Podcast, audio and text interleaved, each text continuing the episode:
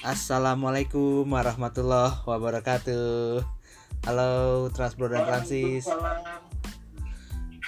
Ya. Halo Transbro dan Francis semuanya nih, kembali lagi di episodenya Transport. Kali ini ada Transcaster Haikal dan juga Transcaster Azam bakal ber ini nih berkelana di Kota Kembang nih. Kita mau ngomong-ngomongin daerah Kota Kembang. Kali ini ada bintang tamu kita nih. Eh, manggilnya apa ya anak ya Mas Anugrah Nurewa atau apa nih anak ya Akang atau AA Bebas. ya ada ya pakai bahasa Indonesia yang biasanya lah. Mas Anugrah Nurewa ya alias di, bisa dipanggil Mang Aso lah kita sebutnya Mang Aso aja lah dia panggilannya Iya. Mang Aso gitu ya jadi Mang Aso ini eh ini ya Mang ya apa salah satu penggagas bike sharing di Bandung ya itu ya Iya. Oke, boleh nih kita kita ngobrol-ngobrolin soal persepedaan di Bandung nih, Mang. Oke, aku sih mau mulainya dari profilnya Mang Aso dulu ya. Aku kan belum tahu banyak nih. Ah, kayak gimana sih eh, pribadinya Mang Aso tuh? Boleh jelasin gak sih? Eh, dulu dulu saya backgroundnya dulu saya eh, kuliahnya di desain produk Hmm, di ITB terus habis itu eh, karena mengalami kegamangan karir eh, apa bingung saya mau mau mau fokusnya di mana karena waktu itu lagi ngerjain proyeknya mulai dari yang eh, mirip bidang keilmuannya desain sampai ke yang nyerempet-nyerempet perkotaan dulu ngedesain eh, taman. Hmm, malah jadi landscaping. tertarik sama isu sama isu keurbanan gitu. Nah dari situlah terus jadi dari isu tertarik isu keurbanan jadi tertarik sama isu transportasi nah dari situ terus eh, eh, pada saat itu itu sekitar tahun 2000 berapa ya 2008an lah Hmm, hmm, hmm. 2008 2000 sampai 2012an itu saya lagi eh, lagi hobi banget bersepeda Zaman-zaman asalnya sebenarnya sepedahan Heeh. eh, asalnya dulu sepedahan buat ini sih buat eh, pelarian dulu jadi jadi dulu saya di tahun 2000 di tahun 2008 ayah saya meninggal terus saya ya sedih kan terus ya akhirnya saya sepedahan untuk mengurangi kesedihan gitu.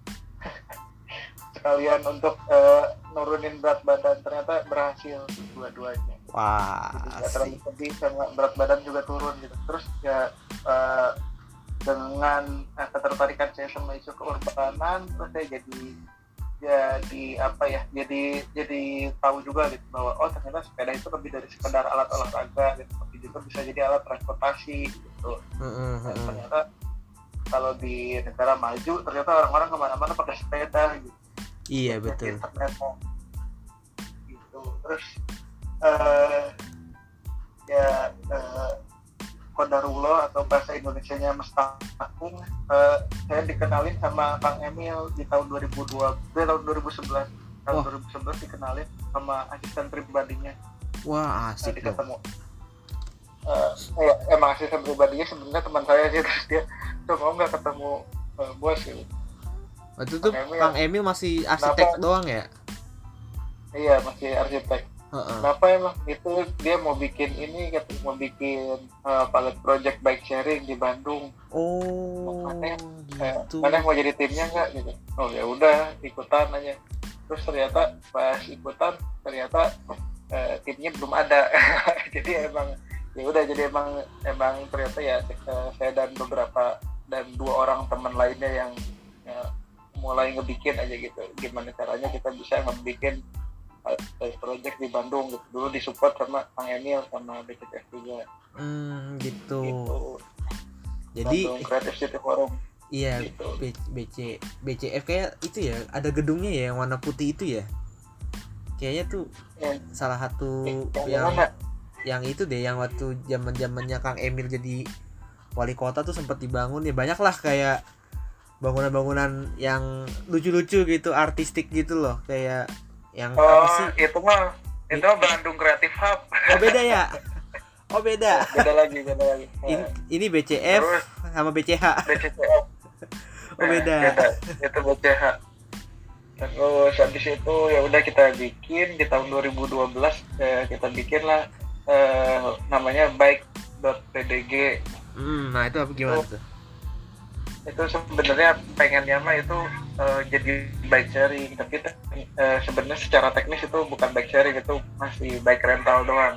Oh gitu. Jadi kita ya jadi kita kan nyediain sepeda-sepeda eh, ditaruh di satu di satu parkiran atau di, di satu apa bike sharing station. Terus di parkiran tersebut ada ini ada ada kios kecilnya dan di dalam kiosnya ada uh, ada Sepeda-sepeda. AA yang jaga gitu Heeh. gitu jadi ya secara teknis itu bike rental sih cuma kita menjalankannya seperti bike sharing gitu. oh Eh, kita gitu. bikin di beberapa titik di Bandung dulu dulu di puncak di puncak eh, punclut di puncak apa ya namanya ya di puncak keberhasilan kita lah kita kayak puncak Cimbelait ya. eh, kita nyampe ke berapa ya? 12 kalau nggak ada 12 titik di Bandung. Oh gitu. Di Dago dari Dago sampai Buah Batu tuh. Lumayan sih. Yang back.bdg itu ya ya emang ya? Iya. Heeh. Nah, terus berapa tahun berjalan? Eh, eh, berapa tahun berjalan? Dua setahun setengah lah. Setengah setahun setengah berjalan saya mikir ini kok gini-gini aja ya. Eh, ini mah either diseriusin Heeh. dijadiin karir gitu. Waktu itu kan pas baik beda gitu masih iseng-iseng aja masing-masing dari kita punya kerjaan masing-masing gitu. Itu cuma masih masih ya, mahasiswa juga gitu kak? Enggak udah udah enggak. Oh udah lulus gitu Iya, ya kita masing-masing dari kita punya kerjaannya masing-masing itu cuma sampingan aja iseng-iseng. iya. Sekitar setengah tahun kemudian saya mikir ini harus diseriusin gitu.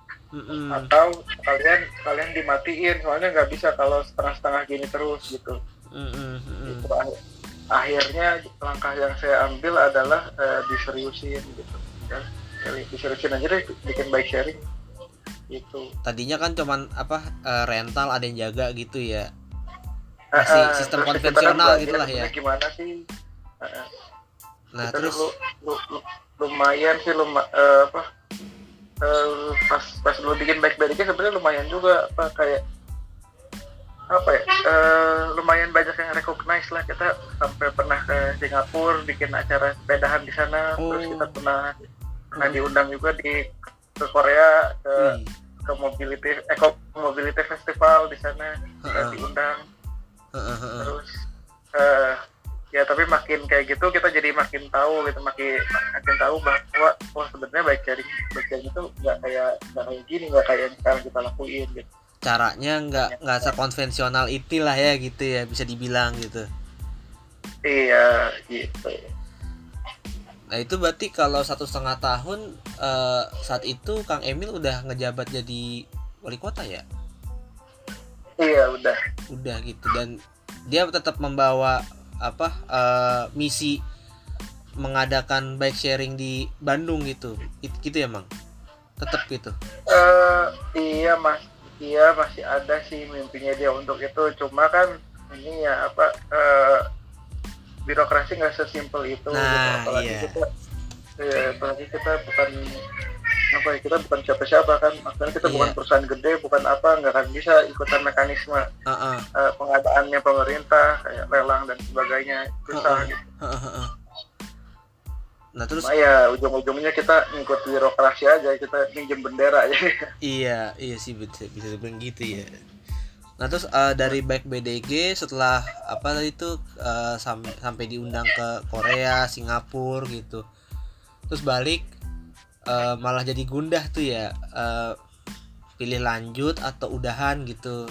Karena caranya nih ternyata beda gitu kan eh, sama yang kayak diterapin di negara-negara lain gitu. Nah terus lanjutannya tuh gimana tuh ceritanya bang?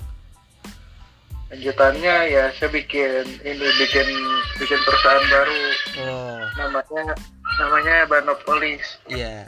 itu untuk mimpinya mah untuk bikin gimana caranya bisa bikin bike sharing di Indonesia gitu bike sharing pertama di Indonesia. Tapi be- berhasil kan? Pertama kali di Bandung.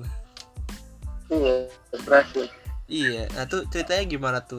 Ak- karena aku tuh baru tahu kan ada kayak sepeda-sepeda gitu dulu tuh zaman-zaman 2014 kayak sempet ada deh kayak ada semacam kayak spot-spot di deket perempatan Dago tuh.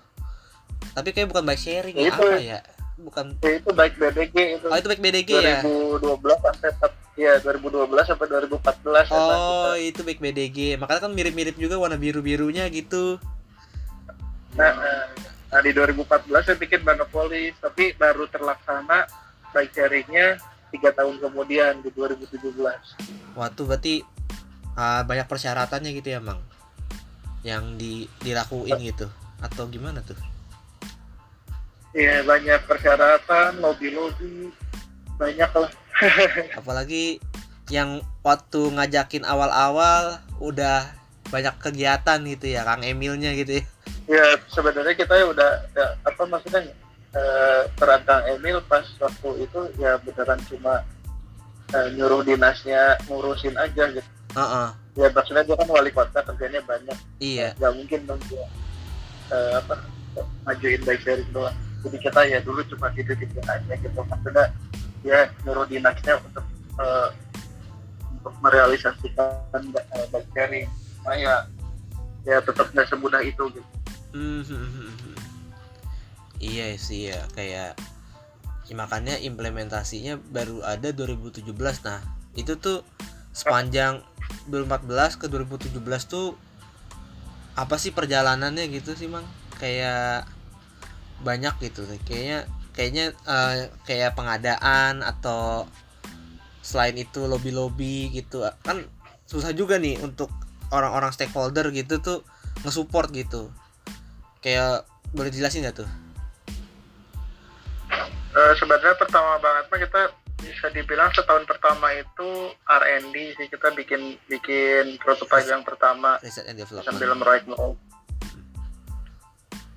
kita R&D lah. Kita ngedesain gimana gimana bisa bikin bike sharing untuk di Indonesia gitu. Iya. Itu terus habis itu eh, eh, setelah R&D kita di 2000 di 2015 2016 itu isinya ya lobby lobby lah Hmm, hmm, hmm, hmm. Eh, gimana gimana caranya supaya bike sharing bisa masuk ke anggaran gitu? Gitu terus pas 2016 ya kita administratif kita nyari bendera nyiapin proyeknya gitu gitulah oke. Nah berarti kalau aku mau tahu nih ke soal di R&D-nya gitu tuh ngerancangnya tuh kayak ngerancang apa aja sih? Entah itu stationnya bentuk bagaimana atau bentuk sepedanya kah? Itu gimana ya sih bang? Iya kita yang kita desain semuanya banget sih. Mulai dari eh, parkirannya gimana sepedanya gimana eh, terus eh, apa namanya sistem secara sisteman gimana. Iya. Gitu sampai sampai ke ininya eh, FX-nya juga kita lakuin juga gitu kita kaji juga. Eh, penempatan stasiunnya di mana gitu gitulah oh. Untuk kondisi Indonesia contoh cocoknya bike sharing yang jenis gimana maka naruh stationnya di mana aja. Spesifikasinya gitu. Nah, itu yang uh, aku pengen tahu juga tuh ya, kayak sepedanya gitu tuh belinya di mana juga gitu. itu kita nggak desain sendiri terus Heeh. eh, waktu itu kita ketemu sama eh, sama vendor Singapura namanya Aleoka dulu dulu Aleoka ju- dijualin sih di Carrefour tuh kita ketemunya pertama juga emang di di Indonesia hmm, dia. hmm. dia kan orang Singapura tuh terus lupa sih gimana gimana jalannya bisa ketemu pokoknya ketemu dia aja di Jakarta ternyata dia eh, orang Singapura si Aleoka ini terus ya udah kita jadi eh, buka partner eh, sebenarnya belum partnership banget apa ya ya itu mah goodwill dari dia sih dia orangnya kooperatif dan baik Hmm. Eh, jadi dia mau tuh dia ngebikinin gratisan tuh. Prototipe kita dibikinin sampai tiga kali sampai tiga prototipe tuh. enak banget. sama Aleopa iya. Nggak pakai nggak pakai kontrak nggak pakai apa. Cuma modal ngomong-ngomong aja. Ya prosesnya lama. Cuma kita benar-benar nggak keluar duit apa apa malah pas kita ke Singapura juga ya, diongkosin diantar Wah, enak banget. Coba ngomongin prototipe dong sampai sampai diongkosin ke Singapura untuk lihat barangnya gitu ya. Jadi tuh Mang eh, cuman ngeliat-liat barang doang gitu sampai di diajakin lihat barangnya ke Singapura dibayarin gitu. bukan lihat barangnya eh, ngeliatin prototipenya. Kan kita ngasih desainnya ke dia. Nah, ngasih desainnya ngirim pakai email. Heeh. terus habis itu berapa berapa lama kemudian sekitar dua bulanan kemudian jadilah barangnya. Terus ya udah kita ngecek langsung. Gitu Oh, gitu. Ya ya. Nah, kalau yang sebelum sebelumnya prototipe dikirim ke sini Buset, enak. Oh iya, gitu, enak banget ya. Nah, terus eh, nama bosnya itu gimana sih eh, bisa dapat nama bosnya gitu? itu mah itu mah murni idenya Kang Emil sih Kang Em- kita kita cuma nyodorin aja ada banyak opsi waktu itu udah kasih aja banyak opsi lah kasih berapa opsi lima opsi apa berapa opsi gitu biar dia suruh milih Heeh. ya, yang dia pilih itu Hmm. kalau dulu mah kita asalnya yang mau kita kalau kita boleh milih nih yang kita akan eh, majuin itu namanya adalah eh, BIK BI- BIK apa tuh? gitu jadi ya, ya big aja gitu jadi kayak kayak baik Baik tapi big. satu kata jadi ya, satu suku kata jadi big gitu terus eh, biar lebih lokal aja gitu versi lokalnya dari baik gitu Heeh. cuma dipilihnya boseh gitu udah kita nurut aja Mhm. Nah, terus eh dari R&D itu dipilihlah eh, pakai station yang ada dockingnya. Nah, itu boleh tahu nggak tuh kenapa kenapa milih itu? Kan kalau di Jakarta nih udah di digeletakin aja gitu. Ya tuh? itu mah se- setelah setelah tau- eh, setelah tren di Cina sih jadi kita Mhm. dulu kan kita ngedesain itu tahun 2016 tuh yang prototipe terakhir Iya. jadi di 2016 sel- selain kita ngurusin administratif kita juga nge- ngematangin lagi R&D lagi gitu ber- beriterasi lah istilahnya terus eh, waktu itu kita eh, menyimpulkan bahwa di di tahun itu orang yang pakai pakai smartphone itu masih belum terlalu banyak. Jadi kalau kita mau bikin fasilitas publik jangan yang ngandelin smartphone. Jadi pakai kartu aja gitu pakai eh, smart card. Ya pakai kalau zaman sekarang mah ini ya kartu-kartu imani gitu. Iya. Pakai BRI ya kalau nggak salah ya. mah nama iya. Zaman dulu mah masih dibilangnya apa itu? Smart card aja. Terus nggak tahunya setahun kemudian 2017 bersama dengan bosnya diluncurkan Mhm. kita booming tuh bike sharing yang nggak pakai dock gitu ternyata di tahun yang sama orang yang pakai smartphone makin banyak makin umum gitu Mhm. gitu Nah, terus eh sekarang nih kan eh, kalau nggak salah masih pakai kartu tuh ya, yang kalau nggak salah BRI. Nah, terus sekarang ada opsi lain nggak pakai QR code gitu, Mang? oh kalau yang sekarang mah nggak tahu soalnya kita dulu cuma bikin doang nggak nggak nggak nggak nggak sama ngeoperasiin Oh, gitu. Jadi sekarang eh, cuman ngebikin nak kasih doang gitu, serahin ke stakeholder eh, pemerintah daerah gitu ya. iya pas sudah diserahin udah Udah, selesai tugasnya. di handle apa iya urusan-urusan kayak misalnya kalau ada maintenance sepedanya gitu-gitu. Nah itu udah urusan daerah itu pemerintah. Iya. Pemkot ya. Oh, oh gitu. Nah terus itu seberapa mendukung sih eh, para stakeholder si pemerintah kota ataupun pemerintah dari Jabar gitu? Kayaknya waktu pas apa tuh rilisnya Bose itu eh, zaman-zaman 2017 ya empat tahun lalu ya kayak kurang kurang aja gitu pemberitaannya gitu. Aku aku kayak jarang lihat waktu zaman itu ya di TV TV mainstream tuh uh, soal bosnya tahu gitu. Oh nih sepeda sepeda ini nih sepeda disewain nih. Cuman belum tahu arti bike sharing se, se seperti apa gitu sih. Nah tapi malahan yang dipakai buat ya cuman jalan-jalan wisata gitu bukan untuk commute gitu mang. Nah tuh uh, kira-kira dari pihak stakeholder gitu ya uh, sesupport apa sih gitu? Uh, tadi itu ada dua isu yang berbeda tadi di pertanyaan. Ada tentang publikasi sama ada tentang support. Uh, uh, bukan tentang uh, pemakaiannya uh -uh. antara wis bukan bukan jadi kommute tapi untuk wisata yang mana dulu bukan maksudnya yang mana dulu yang dijawab uh, dari supportnya dari itu lah dari apa? Yang publikasi dulu lah. Hmm, teman nggak nggak tahu ya kalau itu. Maksudnya kalau publikasi kan itu suka sukanya media aja iya anggap sih.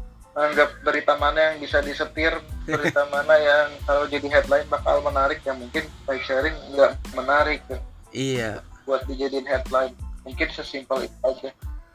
Uh, gitu. Karena kalau yang lain kan yang jadi headline itu antara yang emang menarik banget untuk orang banyak atau misalnya yang yang nggak tahu ya mungkin ada yang sponsor konten atau apa gitu. Ya. kalau iya. kita kan nggak dua-duanya. Iya sih.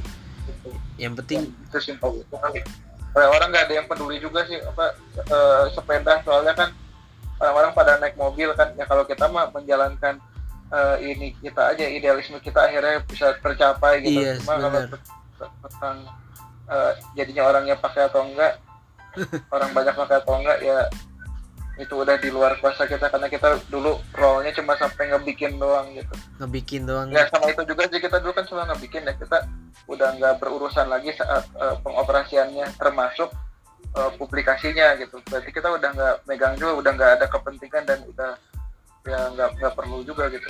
Nggak hmm. perlu terlibat. Dan nggak hmm. bisa terlibat juga nah, ya maksudnya mau ngapain juga? Udah terima kan iya bener sih. Jadi ya uh, udah bukan tugasnya lagi yang penting bikin kasih udah gitu ya. Iya. Nah perihal kita dulu hmm? pas uh, pas yang mau ngoperetnya sebenarnya kita juga kita juga ngajuin. Ya kita juga pengen uh, ngurus bayi kita gitu.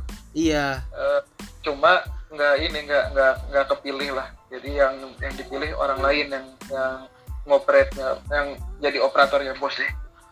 Bukan bukan si Banopolis itu ya? Nah, terus, terus kalau untuk ya pemakaian sekarang dipakai cuman buat ajang wisata jalan-jalan doang gitu, nah itu juga bukan udah bukan ranah dari uh, pendiri-pendiri si Bose itu ya. Kalau dari secara visi mah pastinya kita pengennya arahnya ke ini ya, ke commute biar impactnya gede gitu. Iya. Biar apa ya, kalau bahasa planonya terjadi modal shift gitu terjadi per, per terjadi hijrah iya yeah. bepergian orang asalnya pakai kendaraan pribadi jadi pakai kendaraan umum plus boseh gitu. ya pengennya mah itu itu pastinya cuma uh, susah sih pada prakteknya uh, emang Indonesia belum terlalu siap untuk untuk inovasi kayak misalnya gini kita dulu masang di uh, depan stasiun kereta kenapa ya karena orang pulang dari stasiun Mm-hmm. Kalau pakai kalau pakai kereta kan orang eh, kebanyakan orang nggak pakai koper kan, pakai ransel lah atau pakai tas-tas kecil atau bahkan yeah. kayak cuma bawa cuma bawa tas laptop doang gitu. Kan masih bisa tuh pakai sepeda. Jadi kita mikir oh masih bisa nih depan stasiun kereta sebenarnya jadi orang pulang dari pulang dari luar kota naik bike sharing gitu. Mm-hmm. Nah, cuma pada prakteknya pas kita ngobrol sama kepala stasiunnya nggak bisa. Ya masih iya masih belum ada wawasan sama sekali tentang wow. bike sharing mungkin itu kan hal yang sangat baru kan di Indonesia iya Indonesia iya. kan selalu selalu selalu terbelakang ya di masalah mobility ya kayak iya. negara lain itu bikin bikin flyover itu tahun 50 tahun 60-an gitu. Tahun pada... 80-an 90-an flyover itu dirubuhin semuanya Betul. sedangkan di kita baru bikin flyover sekarang gitu ketinggalan berapa puluh tahun biasa dikit kita emang Begitu iya. negara lain udah tobat dari mobil, kita, kita baru euforia mobil gitu. Bener. Emang selalu terlambat. Jadi, jadi bisa dipahami bang bahwa eh, orang-orang itu eh, sangat sangat nggak apa mungkin terlalu terlalu terlalu melampaui zaman di masa itu mungkin kalau kita pending dikit jadi 2018 gitu mungkin akan lebih mudah. Gitu. kita waktu itu ya risiko risiko menjadi yang pertama dan menjadi pionir gitu jadi itu nggak selalu hal yang bagus jadi yang pertama. Karena jadi disingkirin ya. Bukan dipinggirin orang-orang pada belum tahu aja. Iya. Nah itu juga Itu, lucu. iya, iya, lanjut itu. Terus apa? Nggak bisa nggak nggak setuju. Terus ya udah kita geserin Heeh. apa gara-gara digeserin gesernya terlalu jauh jadi si orang nggak nggak ada yang pakai juga jadinya gitu. Karena kan kalau di hukumnya eh, hukumnya pedestrian kan satu satu extra step itu eh, sangat memberatkan harus harus dihindari gitu. Sebisa mungkin pedestrian itu harus harus dimanjain lah nggak boleh ada extra step. Misalnya dia keluar dari stasiun kereta eh jauh benar harus jalan lagi ke sana gitu dengan Betul. trotoar yang jelek gitu. Betul. Ya kalau kita ya kalau kita jalan kaki di negara maju ya enak ya mau 2 kilo 3 kilo juga. Trotoarnya lempung gitu. Mm-mm. ya di sini jalan kaki 50 meter juga orang bisa nyusup ke Sorokan atau atau ke blok sama sama PKL gitu. Iya. nggak bisa jadi. Jadi situasinya sangat nggak ideal. Itu tadi saya ngasih contoh yang stasiun kereta cuma satu aja dari entah berapa. Ada juga yang yang di terminal gitu? eh, mall oh mall mall. Ada juga mall yang ya kalau terminal nggak nggak terlalu butuh kalau bike sharing kan. Itu haknya transportasi. Kalau bike sharing kan buat feeder iya. Untuk first mile atau last mile. Makanya kan ya stasiun kereta orang turun dari stasiun nah first mile-nya bike sharing dulu gitu. Iya. Kan gitu. Terus eh, di mall gitu. Mall, eh, dulu mall eh, Ciwok tuh. Itu wah itu nolak mentah-mentah. Malah malah dimarahin sih. Udah bukan ditolak lagi sih saya dimarahin. Kenapa tuh? Kenapa saya cuma saya cuma datang ke sana mau mau ini mau nanya eh mau nggak ditaruh bike sharing di depan? Malah diceramahin nggak tahu gitu. Mungkin iya. Ya mungkin sama aja sih case nya belum sama sekali nggak paham gitu bike sharing itu apa. Iya atau iya. mungkin dikiranya saya apa kali. Nggak tahu. Nah nah terus sekarang station station apa eh, bike sharing bosah itu udah banyak juga kan ya? Eh, tapi itu udah sepotensial belum sih kalau menurut Mang Aso tuh? Kalau dengan cara yang sekarang mah ya enggak ya. Eh, enggak enggak akan terlalu pakai juga. Eh, stasiunnya cuma sedikit juga terus habis itu eh, availability sepedanya juga sedikit. Hmm. terus habis itu eh, kadang saya lihat eh, alat-alatnya ada yang nggak nyala. Mungkin nggak nggak tahu harus udah harus di maintain atau apa kali? Nggak tahu atau mungkin eh, lagi mati listrik atau apa? Nah. Nah, pernah berapa kali mati tapi kalau case yang paling sering kelihatan sama saya adalah availability-nya eh, rendah gitu. Sepedanya terlalu sedikit. Yang dikeluarin yang dijalani suka sedih nggak tuh kalau ngeliat kayak gitu? Eh, ya pertama mah iya tapi ya lama-lama mah ya enggak udah ya udahlah ikhlasin aja gitu Apa? ikhlasin aja gitu ya udahlah gitu. Oke nih, eh, mungkin dari Azam ada mau nanya-nanya nih soal bersepeda di Bandung Zam. Oke. Kenalin bang, nama saya Azam. Kebetulan juga sering-sering sih main ke Bandung. Garut jarang kan? doang, jarang kan? jarang lihat back chattingnya sih. Mau nanya. Pengen tahu nih kita cerita awal mula pengembangan layanan bike sharing tuh di Bandung. Tadi kan itu apa sama apa? Cycling boom ya lu? Nanya cycling boom ya? Iya itu cycling boom. Nah, lagi pandemi gini, Mm-mm. terus eh, kira-kira kan sekarang kultur-kultur bersepeda lagi berjamur-jamur. Nah tuh gimana sih di Bandung tuh? Eh, udah enggak udah lewat oh, udah lewat. dulu ber- berjamurnya eh, sampai awal tahun ini lah dari dari awal pandemi kan sampai awal tahun dulu tahun kurang. Udah harga harga part sepeda ini indikatornya harga part sepeda udah turun Heeh. Brompton udah nggak ada yang ngumpetin lagi. Udah- berarti udah normal. Udah normal gitu. dulu kan dulu kan gila Brompton harganya. Iya. 28 juta aslinya jadi jadi tahu-tahu jadi 50 jutaan. Sampai diumpetin iya diumpetin sama spekulan-spekulan. Iya. Nungguin harganya ngegelembung dulu baru dikeluarin. Iya. Nah sekarang udah balik lagi ke kehidupan motorized transport lagi ya?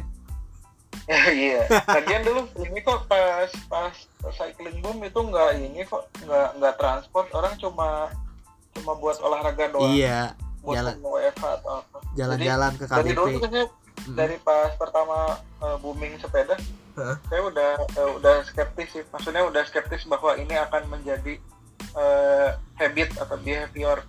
Pasti ini cuma tren sesaat ya benar cuma tren sesaat soalnya uh, kalau hobi itu orang bisa bisa kesenangan hobi itu kan kesenangan. Kesenangan kan sangat bisa berubah. Iya. Sekarang sekarang kita lagi hobi gundam nih. Iya. Terus habis itu udah nih kita udah kita udah punya sampai master grade apa pun itu udah udah ngecat udah bikin diorama ya, kita nyari hobi lagi lah. Iya. nyari hobi lagi apa fotografi itu aduh mahal banget udah pivot ganti lagi hobi lain ngapain? Oh Hot Wheel aja deh murah gitu udah ya, gitu aja terus. Main Tamiya. ya, gitu. terus abis itu ngeliat temen eh keren banget loh hobi mancing gitu. Ya udah jadi hobi mancing gitu. Kalau kalau kesenangan gitu makanya kalau ada eh, apa kultur sepeda yang tiba-tiba tapi eh, ranahnya cuma di o- olahraga atau rekreasi ya ya maksudnya itu itu hal yang positif ya maksudnya di antara hobi-hobi lain ya tentunya hobi bersepeda tetap positif karena dia hobi yang low impact gitu. iya Cuma- betul Eh, cuma eh, gimana impactnya ke kota? Nggak nggak nggak ada gitu. Karena dia cuma melakukan kesenangannya dia aja gitu. Cuma kesenangannya positif gitu. Iya Heeh. iya betul bahwa hobi sepeda itu positif. Cuma itu sekedar hobi doang. Itu hanya baik untuk dirinya sendiri gitu. Dia dia jadi lebih sehat. Dia ya hobinya bagus lah gitu produktif gitu. Iya. Lagi pula juga di sini juga udah mulai jarang-jarang sih. Juga sama di Jakarta mah kayak ya gitu Iya. juga sih. Baik balik ke bike sharing lagi gitu ya. Kita- waktu itu waktu pas demo tahun lalu dipakai dibakar. Ada ada aja ya, emang. tapi itu mah itu mah provokator loh. Iya biasa itu udah mah. udah banyak kan videonya juga itu mah ini orang-orang niat pakai asik dia ngelut sepatu boot pakai apa pokoknya beda kostumnya sama yang demo. Iya dia asik ngeluting gitu sepeda bakar kumpul dibakar asik banget itu.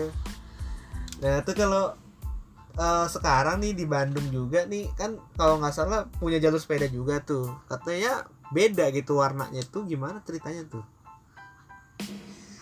Itu mah administratif aja ada yang dibikin sama kementerian sama apa sih eh, pusjatan kalau nggak salah ada juga yang dibikin sama pemkot beda itunya doang apakah terproteksi tidak enggak lah mana ada nggak ada kalau nggak salah kan di mungkin. Dago ada ya yang warna hijau Hmm? gitu di Dago jalan Iya. Dago Heeh.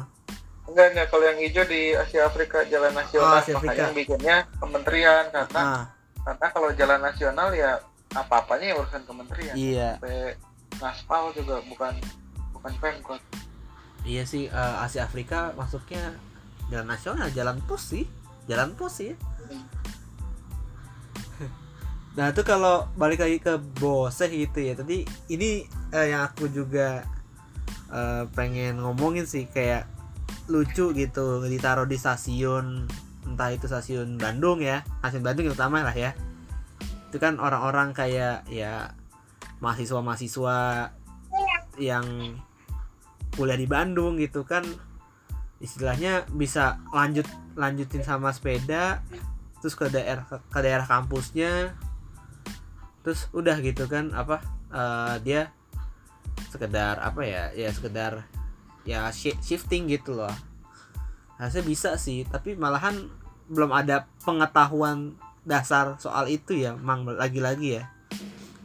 Oh, bukan gara-gara pengetahuan kita nggak boleh membebani eh, be- membebani masalah mobilitas harus diselesaikan sama individu nggak gitu cara kerjanya. Orang orang-orang Singapura juga pakai MRT bukan karena mereka idealis dan mereka paham. Iya dipaksa. Eh, itu nomor dua. Nomor satunya yang udah ada aja udah ada Iya. udah ada dan bagus. Ya, siapa juga yang nggak mau naik MRT kan betul. Harganya harga tiketnya cuma satu setengah dolar. Gajinya berapa? Gaji rata-rata orang sana 3000 dolar. Mm-mm. kamu bayangin itu kayak gaji orang sini 3 juta harga tiket MRT seribu. 1500 rasionya kan gitu. Iya Jadi siapa yang nggak mau naik eh, apa MRT harga 1500 3000 perak? Udah itu udah gitu. Mm, emang oke banget gitu Mhm. rasionya. Udah gitu kalau di rasio antara Singapura. penghasilan sama ongkos sama kualitas pelayanannya gitu. Iya apalagi Singapura tinggal turun ya apartemen gitu. Turun apartemen ya jalan nggak sampai 100 meter udah ada stasiun udah enak gitu kan. Terus sini belum. Apalagi ya ngomongin lagi Bandung lagi mau bikin tol ya. Tol dalam kota ya katanya ya. Jakarta juga Ya, ada. aduh. Ya di mana mana ya kayak ininya prestasi yang dibanggakan kan bikin tol. Padahal Iya. itu tol itu kan cuma tol itu kan cuma fasilitas lintasan untuk kendaraan pribadi doang oh, oh. Nah, itu cuma bagian sangat kecil dari dari konsep mobilitas itu mobilitas kan intinya mindahin orang secepat-cepatnya sebanyak-banyaknya seefisien-efisiennya caranya udah pasti bukan pakai mobil pribadi Mm-mm. untuk mencapai objektif itu. Kalau pakai mobil pribadi itu objektifnya apa? ya? Mencapai tujuan eh, dengan dengan kebebasan penuh ada di tiap individu dan ada kesenangan menyetir dan ada privasi di dalamnya. Pokoknya itu hal-hal yang yang non esensial lah. Kalau hal esensial kan gimana caranya mindahin orang sebanyak banyaknya Mm-mm. cepet-cepetnya gitu Mm-mm. supaya ya supaya orang produktif tapi eh, eh, jalan atau fasilitas eh, apa prasarana transportasinya tidak terlalu eh, terbebani ya kalau udah terbebani itu namanya macet kan Iya, iya benar sih, benar. Apalagi ya sekarang juga masih ada ini sih stigma pas pas, pas pandemi ini ya kan. Lebih enak, lebih baik naik mobil, soal privasi, soal takut ketularan. Cuman ya malahan gini sih yang aku juga ngerasain gitu ya. Kalau di Jakarta banyak gitu ya untuk transportasinya. Kalau aku sepanjang ini sih sebelum PPKM lah, itu eh, naik MRT, naik KRL ataupun Transjakarta gitu. KRL sih jarang sih, tapi yang Transjakarta atau MRT gitu. Sebenarnya sih karena kita juga bergerak gitu ya dan kita jadi jadi happy ya ngerasa kayak insya Allah nggak kena gitu. Cuman ya balik lagi ke, ke diri orang masing-masing sih. Eh, apalagi kalau misalnya kita bersepeda juga eh, untuk ya commuting gitu emang udah dasarnya pakai sepeda tuh emang kebutuhan gitu eh, bukan cuman buat ya seneng-seneng weekendan doang gitu gocapan segala macem gitu. Yang ya sifatnya sebenarnya tuh nggak daily gitu atau weekly doang gitu sih. Nah, mungkin bisa jadi itu kan salah satu bentuk kendaraan pribadi ya cuman non motorized. Itu mungkin bisa jadi ya apa ya, kalau pendapat aku sih mencegah juga lah gitu. Ya mungkin ya, ya kalau ngomong privasi sih namanya juga kendaraan mikro gitu ya. Udah gitu ya banyak banyak lawannya. Itu sih harus dibenahi sih sebenarnya. Nah btw ini sih mang aku juga waktu itu sempat lihat-lihat tuh, ada namanya get bike tuh. Nah, itu apa tuh mang? Itu mah asalnya kita mau rilis itu tapi gara-gara pandemi nggak jadi. Gitu sih bike sharing baru lagi. Bike sharing baru lagi untuk di daerah kampus gitu ya muter-muter kampus Heeh. Iya sih kayak waktu itu juga tuh apa pernah lihat juga eh mahasiswa UGM ini apa nge ngekritisi soal mahasiswanya pakai motor padahal tinggal muter-muter kampus bisa pakai sepeda gitu. Ada sih kayak gitu juga. Tapi penting gak sih kalau di, di daerah daerah-daerah lingkungan kampus gitu kan contoh lah ITB, Unpad ataupun UI lah gitu. Tuh bermobilitas sekitar ya untuk jalan-jalan sekitar area gedung fakultas antar fakultas gitu-gitu. Kira-kira untuk mobilitas pakai sepeda tuh penting gak sih mang? Eh, ya iya harusnya emang dimulai dari ya kampusnya aja dulu eh, ngelarang. Melarang motor eh, seliweran di dalam. Karena kan kalau ngelarang doang apa namanya otoriter kan. Nah harus ada solusinya. Solusinya apa ya? Sediain aja sepeda gitu. Iya. jadi kita dikasih panik dikasih insentif juga. Ada ada bukan insentif apa ya? Ada ada ada ada apa ya? Carrot and stick istilahnya. Apa ya gampangnya ya insentif dan disinsentif lah. Disinsentifnya eh, nggak boleh naik nggak boleh seliweran pakai motor. Insentifnya apa? Insentifnya disediain misalnya ada ada shuttle ada mobil shuttle ada sepeda gitu. Ada banyak opsi lain Hmm. selain pakai eh, kendaraan sendiri gitu. Bisa harusnya dimulai dari lingkungan kampus. Mm, mm, mm. kayak nanti anak-anaknya pas nanti kelak udah jadi pejabat atau apa bisa bikin eh, policy yang eh, lebih berorientasi pada manusia gitu. Iya. Bisa bisa sih. Cuman ya gitu sih balik lagi ke habitnya lagi sih. Enggak sih kalau itu bukan habit kalau itu lebih ke top down sebenarnya itu sesuatu yang bisa dikontrol dari atas loh. Berarti mulainya dari regulasi gitu ya, Mang? Regulasi Iyalah, terus juga perubahan- kebijakan. perubahan paling gede mang ya perubahan paling gede itu pasti gara-gara regulasi kalau perubahan dari bawah itu susah. Da- lama bukan susah sih. Lama Susah, lama, lama, lama. emang kalau perubahan dari bawah emang emang gitu emang susah. Enggak kalau itu dari atas. Nah, dari atas misalnya apa ya udah aja. Misalnya apa eh, anggota dewannya yang nurunin gitu misalnya gitu. Mm-mm. ya ya koma juga itu di di skala mikro di di apa eh, kalau kita ngomongin di kampus gitu. Eh, ada ad- ada ada masalah. Masalahnya apa? Masalahnya ini ada mau motor seliweran tanggung jawabnya bukan tanggung jawabnya mahasiswa kenapa pakai motor seliweran tapi tanggung jawabnya ada pada yang yang bisa ngatur kondisi tersebut. Ya dari pihak kampus kampus aja tinggal larang terus bikin shuttle deh. Beres kan Nggak- Iya. nggak sesusah itu. Jadi jangan jangan apa-apa dibebankan ke kita kitanya kita kita harus idealis kita harus rajin kita harus tahu informasi kita harus apa. Itu nggak nggak kayak gitu harusnya. Kalau kayak gitu nggak akan sustain. Nanti akan capek nanti dia nanti dia jadi apa ya eh, kayak ngerasa sia-sia gitu. Misalnya ada satu orang gitu ah gue mau ngebela-belain pakai sepeda ke mana-mana. Nanti tunggu aja nggak akan lama kalau kayak gitu. Kalau eh, misalnya dari 100 orang paling nggak nyampe setengahnya yang masih yang bakal masih istiqomah tetap Iya. sepeda ke mana-mana. Iya, iya akan sih. bisa. Kenapa ya emang nggak pernah ada kejadian di dunia ini di mana perubahan diciptakan oleh individu yang idealis nggak akan ada Dari pasti tuh harusnya top down dari iya dari harus, atas ke harus ada bawah. sesuatu harus ada sesuatu yang gede gitu bisa jadi top down bisa jadi ada disrupsi bisa jadi ada pihak swasta yang pokoknya harus sesuatu yang besar nggak bisa kita membebani orang lain harus harus idealis gitu Betul, betul. Setuju sih, setuju. Jadi intinya kalau ya ya baik lagi ke ini nih ya, bahasan kita nih soal eh bike sharing dan juga mobilitas bersepeda di Bandung gitu ya. Ya harus dimulai juga dari apa eh, pemerintah-pemerintahnya juga gitu. Kira-kira supportnya totalitas gak nih gitu? Apa cuman nyediain prasarana dan sarana doang?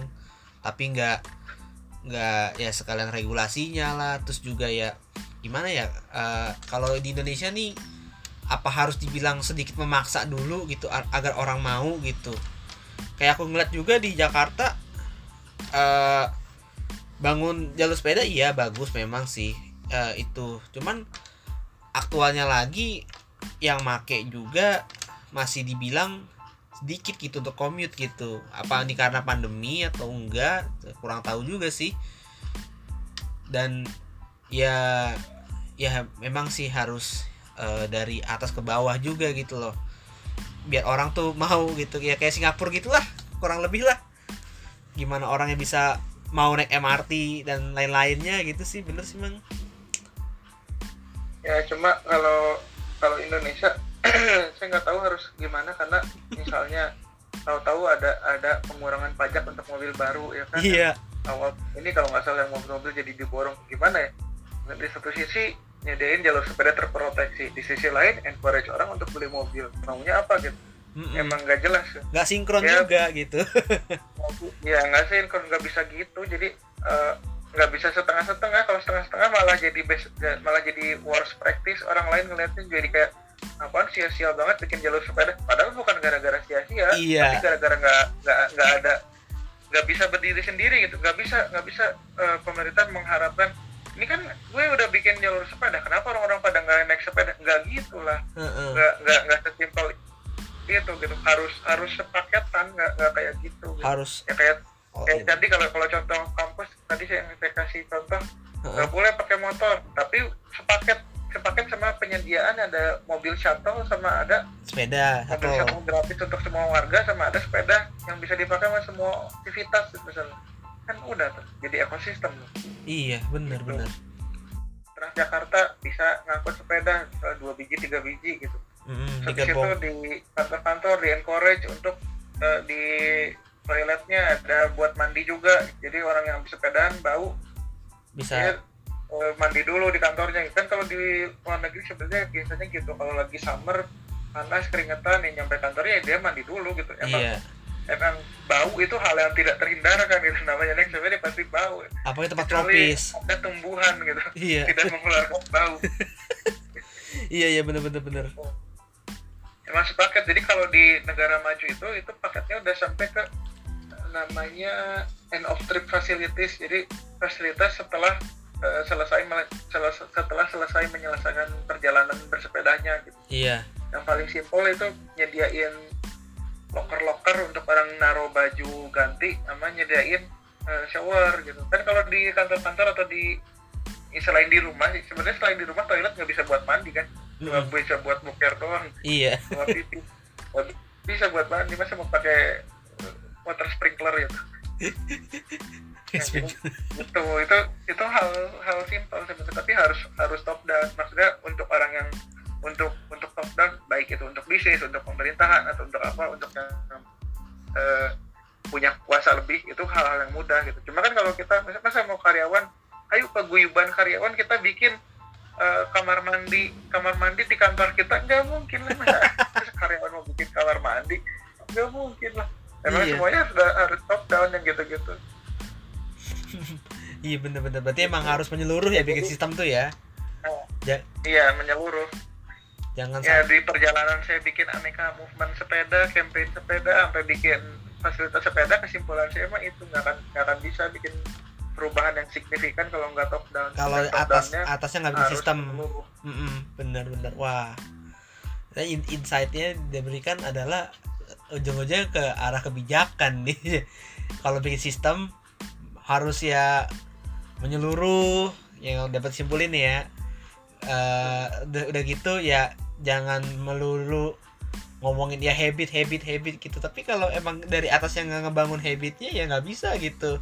Terus juga iya. mau ngomong soal ini sih apa kalau kasar dikit nih ego sektoral juga sih mang.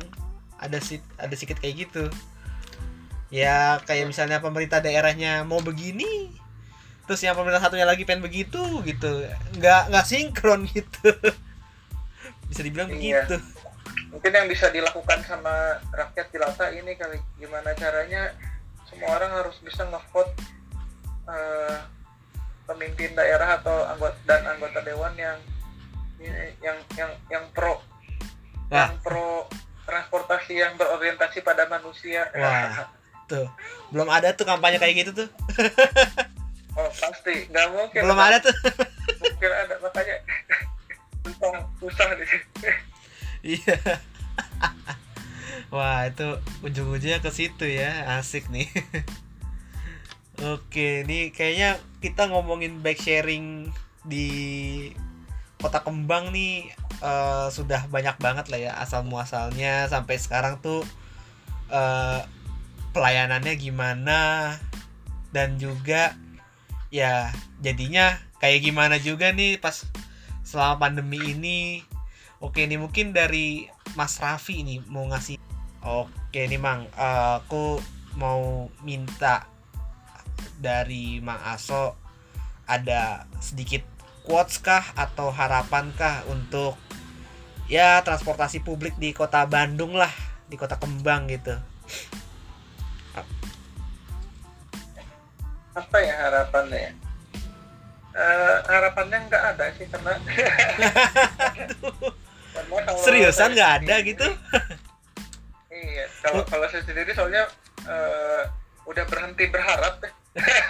Udah capek. Udah capek.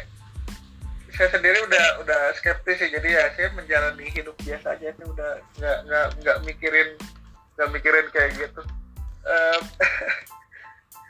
kok jadi negatif banget? Gimana dong? Harapan. Harapannya apa ya? Harapan har- soalnya kalau saya ngarep nggak mungkin terlaksana ya. Harapan saya kan ya udah apa pemerintah daerah bisa lebih human centric gitu. bisa Hentikan dibenahin. pembangunan flyover alihkan dananya menjadi eh, sistem angkot baru nah. supir-supir yang digaji gitu. aduh itu kan aduh itu mimpi di siang bolong gitu. Iya. Ya tapi kalau harapan ya itulah harapannya. Bikin flyover eh, alih-alih bikin flyover dananya diganti jadi revolusi angkot. Wah iya. Eh, angkot gampang loh, revolusinya tinggal tinggal supir angkotnya digaji udah beres perkara. Supir Nah, angkat ada- ada gaji tuh ngetes. ganti pakai ganti pakai uang elektronik kayak Jakarta gitu udah deh tinggal ngomong Iya, integrasinya dah. Iya, iya, iya. Nah itu itu sebenarnya Jaklingko, Jaklingko oke sih, Nggak tinggal di scale up aja. iya. Apalagi Bandung yang masih ngandelin angkot harusnya tuh lebih bagus lagi dari Jaklingko harusnya loh. Ya kalau ngomongin bis kota ya itu juga sama deh. Aduh. Eh, yang namanya TMB yang namanya Damri ya saling itulah ego-egoan juga. Ya Allah aduh bingung Itu nggak ngerti, nggak ngerti banget tuh TMB kan ada ada banyak, eh, maksudnya ada ada banyak trayek, tapi yang aktif cuma sedikit. Iya, Udah itu. gitu, fl- fleetnya juga cuma sedikit. Masa nungguin bis satu jam? Kita hari mau push rank dulu satu jam. Tapi kalau di halte ya ada ada wifi kenceng buat sama sekalian voucher PUBG gitu. Oh iya, lumayan lah. Gua satu jam ini dulu kalau enggak oh iya satu jam nunggu di sini free ngakses eh, YouTube Premium tanpa iklan satu jam YouTubean gitu. Atau Spotify eh apa atau Netflix 4K gitu. Oke oke satu jam dapat satu bulan nah, kan boleh. Ya ini satu jam nunggu di pinggir jalan mau ngapain aja.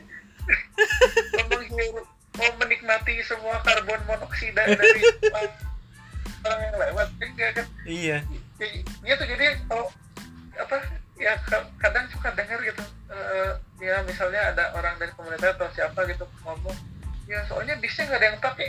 Gimana orang mau pakai frekuensi? Ya sejam sekali. Iya udah gitu nggak jelas gitu.